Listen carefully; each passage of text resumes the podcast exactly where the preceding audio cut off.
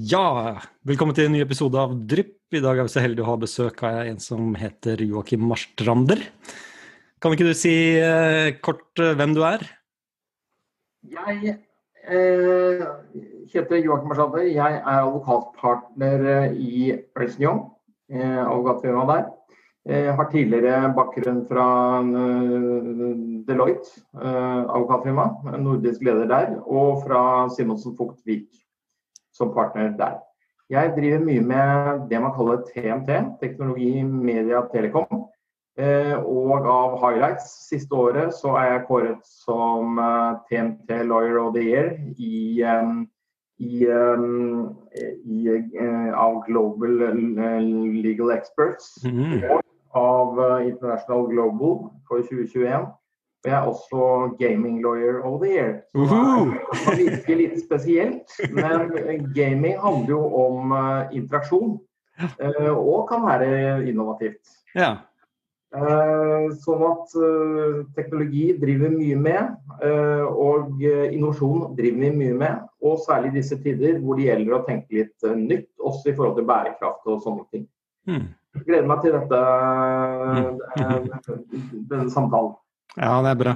Du har jobbet masse med dette vi kaller IPR, og det er et sånt ord som er litt sånn uh, de, fleste kjenner, de fleste sier copyright når de hører ordet IPR. Er det riktig? Er det, har det noe med det å gjøre? Ja, på en måte. Uh, copyright, åndsverkloven i Norge, er alle, all IPs mor, vil jeg si. Mm. Det betyr at man kan oppnå eksklusive rettigheter til det som man er først ute med, og som har en viss takhøyde i forhold til det som er funnet opp uh, før. For meg så er IPR imidlertid mye, mye bredere. Uh, jeg, for meg så er IPR og IP og immaterielle rettigheter Alt det betyr det samme for meg. Poenget for meg uh, som advokat det er å finne ut hva er unikt for din bedrift. Hva ønsker du å hindre at andre skal kunne kopiere, mm. lovlig eller ulovlig, og hvordan skal du forvalte det? Som en konkurransefordel. Kan vi ikke bare sånn for ordens skyld, eh, hva står IPR for? Intellectual Property Rights. Yes, da fikk vi det på plass. Fins det noen god norsk eh, oversettelse? Immaterielle rettigheter er ikke like, det er ikke like schwung over det med, som intellectual. Det er ikke særlig sexy. Nei. Det er ikke mange som bruker det. Nei, nemlig. Intellectual property rights er jo litt fetere. Og IP kan, eh, kan sammenblandes med IP-adresser og sånt, så derfor er det mange som bruker IP her. Ja, nemlig. Ok, så, så, det å beskytte seg, det, det, handler jo egentlig om å beskytte de verdiene da, som ligger i, i uh, selskapet, eller ideen bak selskapet, eller produktet ja. i selskapet. Og så er det to sider av det. For det mm. første så vil du ikke krenke andres rettigheter. Det er viktig. Uh, og for det andre så ønsker du å beskytte dine egne rettigheter. Mm. Og når jeg sier at man ikke skal tenke for snevert, så kan man ta f.eks. Stordalen. da. Når han bygger Choice-hotellene sine, så har han en corporate culture. Hva er det for noe? Vi har funnet ut at vi skal ha de og de seminarene. Vi skal få opp entusiasmen. Eh, vi skal ha sloganet Ja, i dag er det mandag. Det er en form for Jeg vil kalle det IP. Som eh, man skal ha, eh, som man skal ha en beskyttelse rundt. Man må sørge for at det er bærere av den kulturen internt, osv.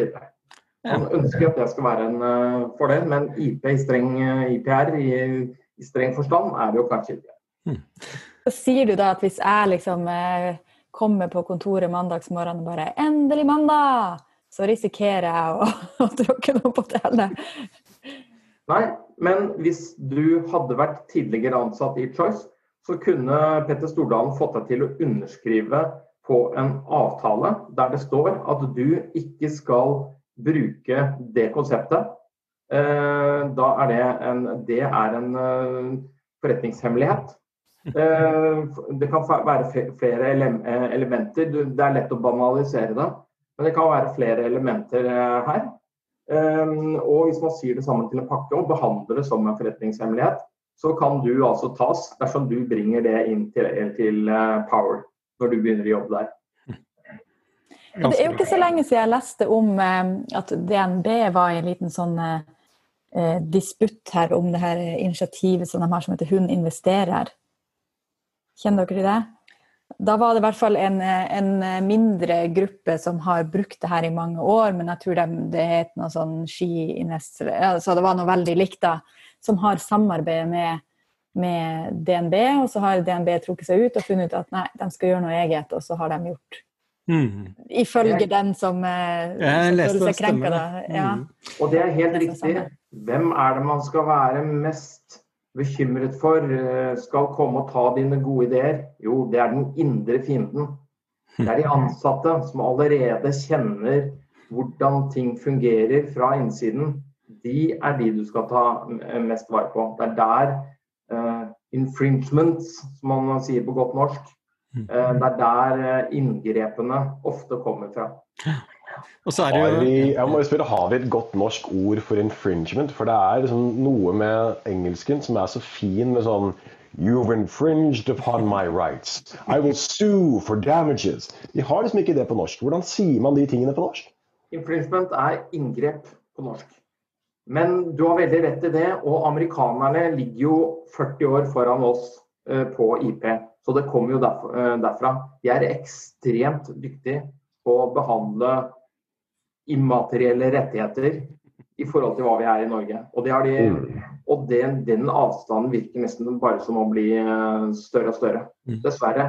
Så nå er det på tide at norske eh, startups og scaleups kommer på banen og skjønner eh, betydningen av disse verdiene det er ofte de verdiene investorene er ute etter. Mm. Du, det var en sånn, fordi Veldig mye av det her høres ut som noe som bare gjelder store selskaper. ikke sant? Stordalen osv. En av tingene jeg lærte av deg da vi jobbet med eh, gründere sammen, var at kanskje noe av det første og viktigste selv tidlig, veldig tidlig fase selskap trenger å gjøre, er jo å finne ut om de faktisk har du kaller det 'freedom to operate', eller var det, jeg husker om det som kalte det, men, free, men 'freedom to operate' er et sånn kjempeviktig begrep å, å, ta tak i veldig, veldig tidlig.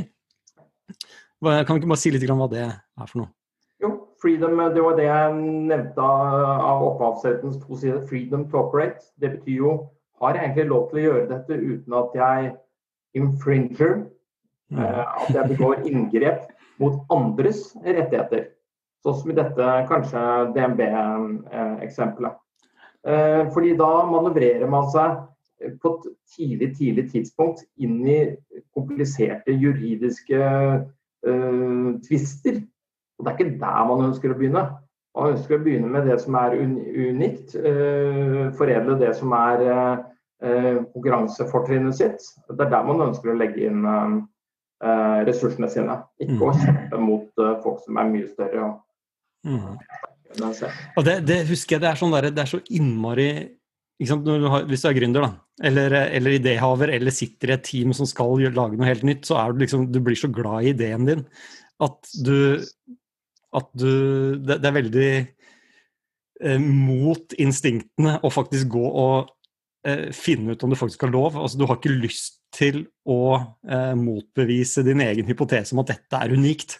du har ikke lyst til å oppdage at uh, noen andre faktisk har vært inne på den ideen din eller det navnet eller, eller det konseptet da, som, som, du på en måte eier. Uh, men, men, men, hvordan gjør man det? Liksom, må man ansette noen? Må man, uh, hvordan sjekker man at man har freedom to operate? Ja, det, blir, det blir jo veldig vidt spørsmål, for det kan være på hvis det er på et varemerke, så kan man søke med varemerkeregisteret med Patentstyret. De har eh, ganske god call på sånt. Eller så man, eh, kan man google. Men på mer forretningsideer, patenter og sånt nå, så er det jo eh, vanskeligere. Mm. Der må man nesten støtte seg på patentbyråer og sånt noe, som kan gjøre søk. Eh, likhetssøk. Eh, men man må jo da, tror jeg, før eller siden så må man jo, vil man jo støte på disse her. Mm. Så må man eh, prøve å ha en plan B, kanskje. Mm. Uh, men det er ikke noe lett, uh, lett, spørsmål å svare på sånn generelt. Men hvor vanlig er det at uh, altså jeg tenker Hvis du skal gjøre et søk i et patentregister, så krever det jo at noen har tatt patent på det. Ja. Og uh, F.eks. tilbake til DNB, da. bare sånn for ordens skyld, så vet jeg ikke hvordan den saken endte, og hvem som har rett og galt her. Men, men her var det jo et sånn ski-community eller noe sånt som hadde liksom Ski Invests hvor sannsynlig er det at de har tatt patent på akkurat det? da? For jeg ville tenkt, Det er som du sier at vi i Norge er kanskje altfor dårlige på det, da, men når det ikke er noe veldig sånn et um, fysisk produkt eller en teknologi eller noe som er mer håndfast, da, når det er på en måte en, en idé, en uh, emneknagg, mm. hvor vanlig er det å ta patent på sånn? Det må jo være vanskelig å Hvis det er, hvis det er snylting uh, på det en annen har uh, opparbeidet, Eh, så eh, rammes det av markedsføringsloven. Sånn at jeg kan ikke bruke DNBs ATÅ-konsept selv om eh, DNB ikke har registrert det som varemerke, design eller patent. Det vil være en snylting på DNBs konsept, og det vil rammes av markedsføringsloven. Sånn at, eh, men eh, markedsføringsloven er en eh, nasjonal rett, så det kan være at man kan bruke A til Å, kanskje ikke Å, da, men i andre land. Og kopiere det der, i et land der DNB ikke er. Men nå vikler vi oss inn i det Svaret på ditt spørsmål er vel at man må gjøre en ordentlig også juridisk hjemmelekse før man bestemmer seg for konseptet sitt og om det er freedom to operate. Mm. Men der har jeg bare lyst til å hoppe inn, Fredrik Matheson her, rådgiver og designer i Beck. Nettopp dette med å gjøre hjemmeleksen sin, det syns jeg er et underholdende faktum med design- og teknologibransjen spesielt. At det er eh, lite kjennskap til lovverk generelt sett. Både universell utforming, materielle rettigheter. Alt dette kommer nesten som sånn fremmedspråk for mange som syns det er boring, corporate, eh, dølle greier. Eh, men det er helt annerledes i andre bransjer som er mye nærmere regulert. altså Alt fra leger til sivilingeniører som lager broer, er, er kjent med den type regelverk. Så det er, eh, lurer jeg på om er det en god måte å ta en litt sånn voksenopplæring i, eh, i PR og, og, tilsvarende når man da kommer fra en design- eller teknologibakgrunn? Altså Åpenbart så bør man jo bruke eh, jurister som kan sakene sine, men bare for å forstå landskapet, er det noen god intro der ute? Ja, for jeg tror du har rett i det. Hvis man forstår landskapet, så vil man eh, bedre være i stand til å gjøre sine egne slutninger også. Mm. Eh, for det er egentlig litt sånn common sense at uh, i Vesten så har man ønsket å eh, oppfordre folk til å gjøre innovasjoner ved å la dem få beskyttelse. Det er sånn man tenker at verden går videre. Eh, I andre land så er den kulturen annerledes. I Østen f.eks. Der er det kopiering. Der, der, ser man det som en måte at verden går fremover. Um, men, men, jeg tror det du er inne på med landskapet, altså hvis man skjønner liksom hva de vestlige rettssystemene er tuftet på, så skjønner man at man kan ikke kopiere. Man kan ikke være sleip. Man må ha eh, eh, man må ha respekt for andre næringsdrivende. Um, sånne typer grunnpilarer. Det er et skyldansvar, på en måte, um, som man risikerer å pådra seg hvis man er for sleip. Mm. Og Høyesterett bruker faktisk ordet snylting. Snylting er ikke lov, og det sier seg selv, egentlig. Eh, så får man ta og stille seg spørsmålene. da. Snylter jeg nå, eller snylte jeg ikke? Og da har man kommet langt, egentlig.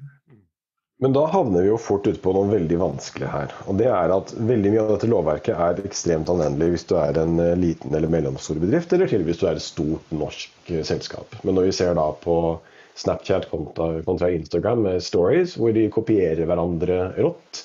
Og så tar de eventuelt den regningen om søksmål. De synes å bruke jussen mer som en redskap og våpen ved behov. Er jo åpenbart kapitalisert herfra til himmelen, så de trenger ikke bekymre seg for den. Det er jo noe som kan bli litt forvirrende for, eh, for hvermannsen, når man ser at de andre kopierer hverandre rått tilsynelatende uten konsekvenser. Hvordan dreier det diskusjonen om IPR? Eh, er det sånn at de har bare tenkt at vi bare tar den regningen når den kommer? Eller er det eh, dumt av dem på sikt å jobbe sånn? Ja, I så fall så er det i hvert fall greit å ha et uh, aksjeselskap med begrenset ansvar. da. Ja. Sånn at det verste, man, verste, som skjer, er at selskapet går konkurs. Mm. Og at det kanskje ikke sammenblandes med andre typer av den virksomheten du driver med.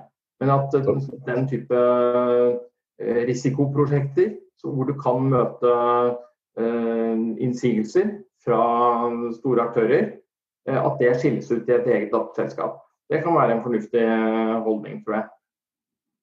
Ja, for nettopp her er vi på dette med landskapet organisere seg smart. Altså, både på selskapsstruktur, men vi ser jo også en del startups som selges ikke egentlig for teknologien de har, men at rettighetene de har vært i stand til å sikre seg i forbindelse med det. At de har hatt en klar taktikk. Og det er noe vi ikke ser så ofte her til lands, eh, synes jeg. Er det fordi man ikke har en klar strategi? Er det ikke nok teknologer som tenker på IPR fra start? Det er et uh, kjempegodt uh, poeng som jeg, tror, uh, som jeg, tror, som er veldig enkelt, mer eller mindre gratis for innovasjonsbedrifter. Det er å lage en IP-strategi. Det, det, er både verdiskapende, men det er også disiplinerende i hvordan, i eller, hvordan bedriftene jobber med dette. hvor man sørger for å avklare freedom to operate man tvinges til å avklare hva er unikt ved vårt, eh, vårt eh, tilbud. Eh, og man, man, har gjerne en life cycle management, igjen et amerikansk ord, men en, at man ser dette i et livssyklus. At hvis du først har hvis Petter Stordalen først har en kultur hvor han sier herregud, det er mandag, ja, så må det følges opp det må kanskje det må identifiseres i hvilken grad kan man beskytte det. Kanskje han kunne beskytte det som en slogan. Og så må det struktureres på en eller annen måte. Kanskje kommersialiseres, få det ut i mediekanaler osv. Ehm, men det må også overvåkes, sånn at ikke, ikke andre tar det samme. Sånn at ikke noen insidere eller hvem som helst andre eh, kopierer det. Og så må man faktisk ha sette av noe i budsjettet for håndhevelse og forsvar av den uh, IP-en.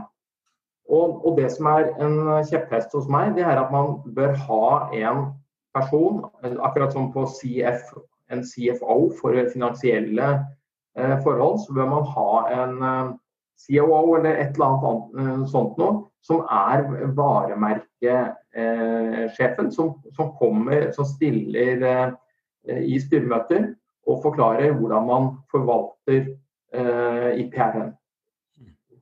Eh, man må sette mm, bjellen på katten. Eh, bare da eh, får man en, en ordentlig forvaltning av IP-en, og videreutvikling også. Og når jeg sier, sier life cycle, det betyr jo ikke at ved håndhevelse og forsvar så er det slutt. Nei, da skal jo de nye innovasjonene gjøres. Dette skal jo hele tiden skje i bedriften. Det skal være en innovasjonskultur tenker jeg. Jeg har lyst til å gå tilbake igjen, for nå var du inne noe som er, to poenger som jeg tenker er viktig å få fram. En er uh, denne sammenhengen mellom uh, verdiforslaget, altså kjernen i hva som skaper verdi i det nye forretningskonseptet, og eh, IPR-strategien og egentlig hele forretningsplanen til selskapet. Altså, de tingene henger jo, de henger jo tett sammen. Og jeg husker flere ganger vi har sett at uh, når du først får bora nok i verdiforslaget, og, og får liksom tynt fram hva er egentlig essensen i, i, den verdien vi tilfører, så følger på en måte IPR-strategi og egentlig også forretningsplan og hvordan skal vi bygge dette selskapet, og hvordan skal vi, eh, hvordan skal vi komme oss ut, altså hvordan skal vi gjøre en exit fra selskapet om fire år. Og alt det henger sammen. Uh, og du, du, får bygd mer verdi i selskapet hvis du er veldig tydelig på hvordan du skal forsvare de uh, verdiene du bygger også. Jeg tror det, Jens Andreas, eh, hvis du skulle kjøpt et selskap og du uh, så at selskapet hadde en IPR-strategi, men, men som var, faktisk var et ordentlig dokument, og det var en person som var ansvarlig for dette, og man kunne dokumentere at man hadde fulgt det. Da tenkte du hm, her har de orden i sysakene. Dette virker veldig lovende. Her er det noe å bygge på. Det vil jeg gi en million ekstra for. Mm. Jeg syns det her også er kjempespennende å snakke om. Jeg bare lurer på om vi skal ta det i en egen eh, episode. Yes! Kjempebra. Veldig Drypp er en lavterskelpodkast fra Beck, hvor vi diskuterer diverse temaer som interesserer oss. Og Hvis du har et tema som du har lyst til at vi skal snakke om, eller du vil være med på en innspilling, ta kontakt på drypp.beck.no.